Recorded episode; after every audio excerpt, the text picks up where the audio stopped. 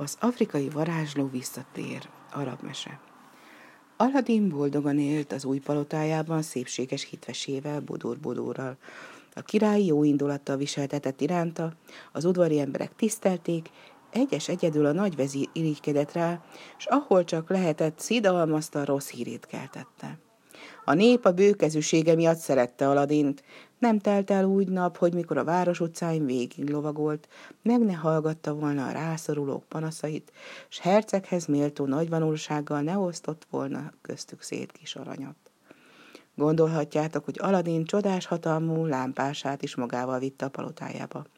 Mivel az esküveje napján követően többé nem volt rá szüksége, jól elrejtette a lámpást, olyan biztos rejtek helyre dugta, ahol senki emberfia rá nem találhatott ám nagyot tévedett, mert egy szolgáló lány egy napon mégis ráakadt a bűvös lámpásra. Tehát múlt az idő, és egy nap, hogy-hogy nem, az afrikai mágus megtudta, hogy Aladin nem halt meg. Ez akkor történt, mikor épp a környéken járt, és megint valami bűvájoskodáson tört a fejét. Tudomására jutott tehát, hogy Aladin nemhogy él, de dús gazdag lett, s herceghez illő palotában lakik. Gondolta magában a mágus. Ezt a gazdagságot bizony csak is a csodálatos hatalmú lámpásnak köszönheti. Nincs vesztegetni való időm, rögvest vissza kell szereznem a lámpásattól a komiszkölyöktől. Nem is tétlenkedett egy percig sem, rögvest elindult Alcalás városába.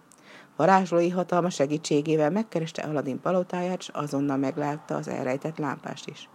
Mindjárt késeszelte, miképpen szerezhetné meg magának a bűvös tárgyat. Először is elment a bádogoshoz, és egy kosárra való új lámpást vásárolt nála. Aztán fogta magát, karjára akasztotta a kosarat a lámpásokkal, és a várost körbejárva így kiáltozott. Tessék, tessék, új lámpás, tessék, cseréljék le a régi kopott lámpásokat újra. Az emberek a hasukat fogták a nevetéstől, mikor hallották, mit kínál az árus. Ki hallott már ekkora ostobaságot, kacagtak. A varázsló ügyet sem vetett az emberekre, tovább járta a várost, egyre csak a portikáját kínálta, s valóban új lámpást adott minden régi lámpásért. Nem telt bele sok idő, és egész gyerekségedek kísérte őt mindenhová. A köré sereglet utcagyerekek kacagva, kántálva visszhangozták az árus szavait. Így járt a mágos utcáról utcára, míg nem egyszer csak odaért Aladin palotájához. Budur Budurnak felkeltette a kíváncsiságát a lárma, ki is szalajtott az egyik udvarhölgyét, hogy nézze meg, mi történik odakint. Hát még ilyet, asszonyom, kiáltott a lány, mikor visszajött. Egy öreg árus kínál új lámpást a régiért cserébe. Biztosan bolond az az árus nevetett fel Budur-Budur. Egy bölcsember soha nem ajánlana ilyen előnytelen cserét. Nem teszünk-e mégis próbát, asszonyom? kérdezte játékos kedvű udvarhölgy. Láttam a kamrában egy régi lámpást, cseréltessük azt ki egy újra. Nem bánom, tegyünk próbát, állt rá a dologra budur-budur. Az udvarhölgy fotta hát a lámpást, és kiküldött egy szolgált, hogy cseréltesse ki újra. A varázsló azon nyomban ráismert a lámpásra, és miután megtörtént a csere, nyomban elsietett a palotából. Nem telt bele sok idő, és már a város is elhagyta, annyira igyekezett, alig, hogy elhagyatott helyre érjen, előkapta a lámpást, megdörzsölje a lámpát. Én vagyok a lámpás szelleme, jelent meg lögveszt a szellem. Azt szolgálom, aki ezt a lámpást a kezében tartja, parancsolj hát velem. Azt kívánom, hogy vigyél el engem Aladinnal, a palotájával, s egész háza népével együtt, s tegyél le minket Afrikában, az én országomban, az én kertemben. Ahogy óhajtott, felelt a szellem, s már ott sem volt. Egy szempillantás sem telt bele a varázsló, a palota, s vele együtt minden és mindenki Afrikában termett. A szellem egy pálmaliget fájnak tövében, a virágok közé repítette az egész palotát, és minden embert. Ez idő alatt Aladin épp egy több napos vadászaton vett részt, és a történtekről mit sem sejtett. Mikor a király kitekintett az ablakon, nem látott más, csak a puszta mezőt. Hűlt helye volt Aladin palotájának, és vele együtt a király leányának. Jól megdörzsölte a király a szemét, hát ha rosszul lát, és a nagy vezírért is elküldetett. Nézd csak ki az ablakon, te vezés, mondd meg nekem, hogy mit látsz, parancsolta neki. A nagyvezér is kinézett, de a palotát bizony ő sem látta. ekkor így szólt diadalitasan. Nekem volt igazam, felséges királyom. Aladén palotája és minden gazdagsága csupa-csupa varázslat, és most egyszeriben minden eltűnt. A baj csak az, hogy a palotával együtt a leányodnak is nyoma vezet. Ó, milyen igazad van, kiáltott fel keserűen a király, hanem ezt az Aladint én úgy megbüntetem, hogy arról kódul. Bizony mondom, lefejeztetem. A király odahívatta egyik tisztjét, és megparancsolta neki, hogy menjen, fogjál Aladint, s láncra verve hozza a király palotába. Úgy vonszolták végig a városon szegény Aladint, mint egy igazi gonosztevőt. Az emberek, mikor látták, ez szomorú, medetet, suttogni kezdtek. Mikor pedig a hír, hogy Aladint le fogják fejezni, eljutott az emberek füleibe, hatalmas tömeg gyűlt össze a királyi palota előtt. A nagy vezír rettenetesen megijedt a tömeg láttán, és így szólt a királyhoz. Felséges királyom, a nép szörnyű haragra gerjedt, s ha te most lefejezteted, Aladin bizonyosan lázadás fog kitörni. Bölcsen tennéd, ha ez alkalommal nagy lelkűségedről tenné tanúbizonyságot? A király hallgatott a nagy vezér tanácsára, és megkegyelmezett Aladinnak, aki ekkor a király színelé lépett, és megkérdezte tőle, mivel vádolja. Nézd csak ki az ablakon, mindjárt rájössz, felelte neki a király. Aladin kihajolt az ablakon, és mikor a palota hűlt helyét meglátta, nyomban sejtette, mi történhetett. Felséges királyom szólt, adj nekem negyven napot, s én visszahozom a leányodat. Ha a leányodat vissza nem hozom, én nem bánom, lefejeztethetsz. Jól van, felelt a király, kapsz negyven napot. Aladin nyomban felkerekedett, elindult a királyi palotából, s hamarosan kiért a városból is. Alig, hogy egy elhagyatott helyre ért, megdörzsölte a gyűrűt, mert azt bizony mindig az ujján hordta. Röves megjelent előtte a gyűrű szelleme, és eképpen szólt hozzá. Szolgáltatodra állok, kér tőlem bármit, amit csak akarsz. Azt kívánom, hogy hozd ide-vissza a palotámat és a hitvesemet. Lehetetlen kívánsz tőlem, ó uram, felelte erre a szellem. Csak is a lámpa szelleme képes megtenni azt, amit parancsolsz. Akkor azt kívánom, vigyél engem oda, ahol a palotám és a hitvesem van. Erre már nekem is van hatalmam, szolgálatodra. Aladin egy szempillantás alatt Afrikában találta magát, ott állt a saját háza kapujában. Megkereste a nők szobáját, fels, alá kezdett járkálni az ablak alatt, és közben halkan szólongatta a hitvesét.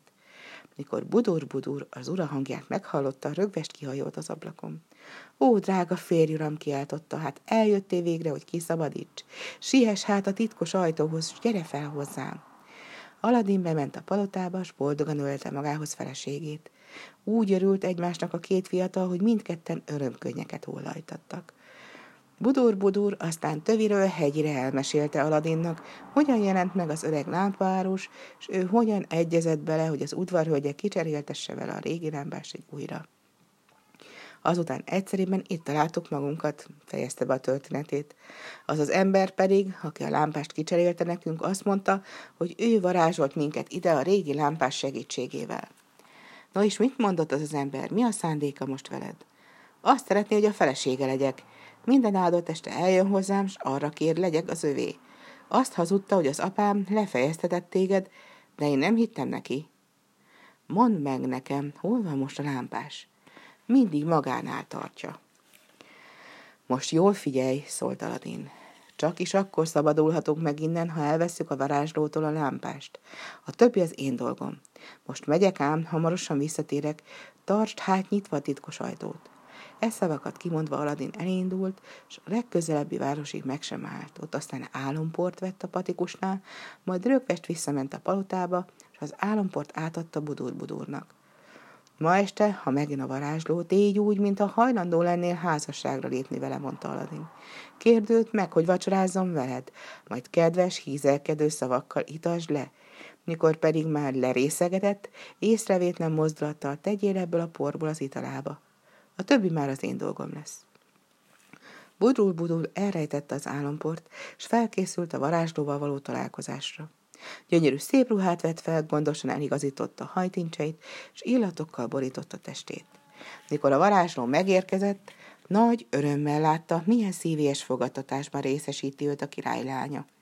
Nagyon sokat ivott, szinte teljesen lerészegedett. Mikor budur-budur elérkezettnek látta az időt, hogy az álomport a mágus italába keverje, titokban beleöntötte a szert a maga poharába, és e szavakkal fordult a varázslóhoz. A mi országunkban az a szokás járja, hogy vacsora után egymás poharából isznak azok, akik igazán szeretik egymást. Kövessük mi is a hagyományt. Add ide a poharadat, mondta azzal, fogta a varázsló poharát, és nagyot kortyolt belőle. Te pedig itt ki az enyémet.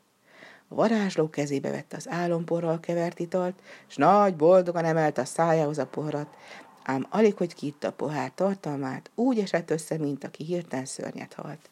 Budúr, budúr akkor szaladt Aladinért, az ifjú pedig megfogta a kardját, és egyetlen nyisszantással levágta a varázsló fejét. Aztán megragadta a bűvös lámpást, megdörzsölte az oldalát, és ezt parancsolta a szellemnek. Azt kívánom, vigyél minket, és ezt a palotát vissza a mezőre, a király palotájával szembe. Ahogy óhajtott felelt a szellem, és már ott sem volt.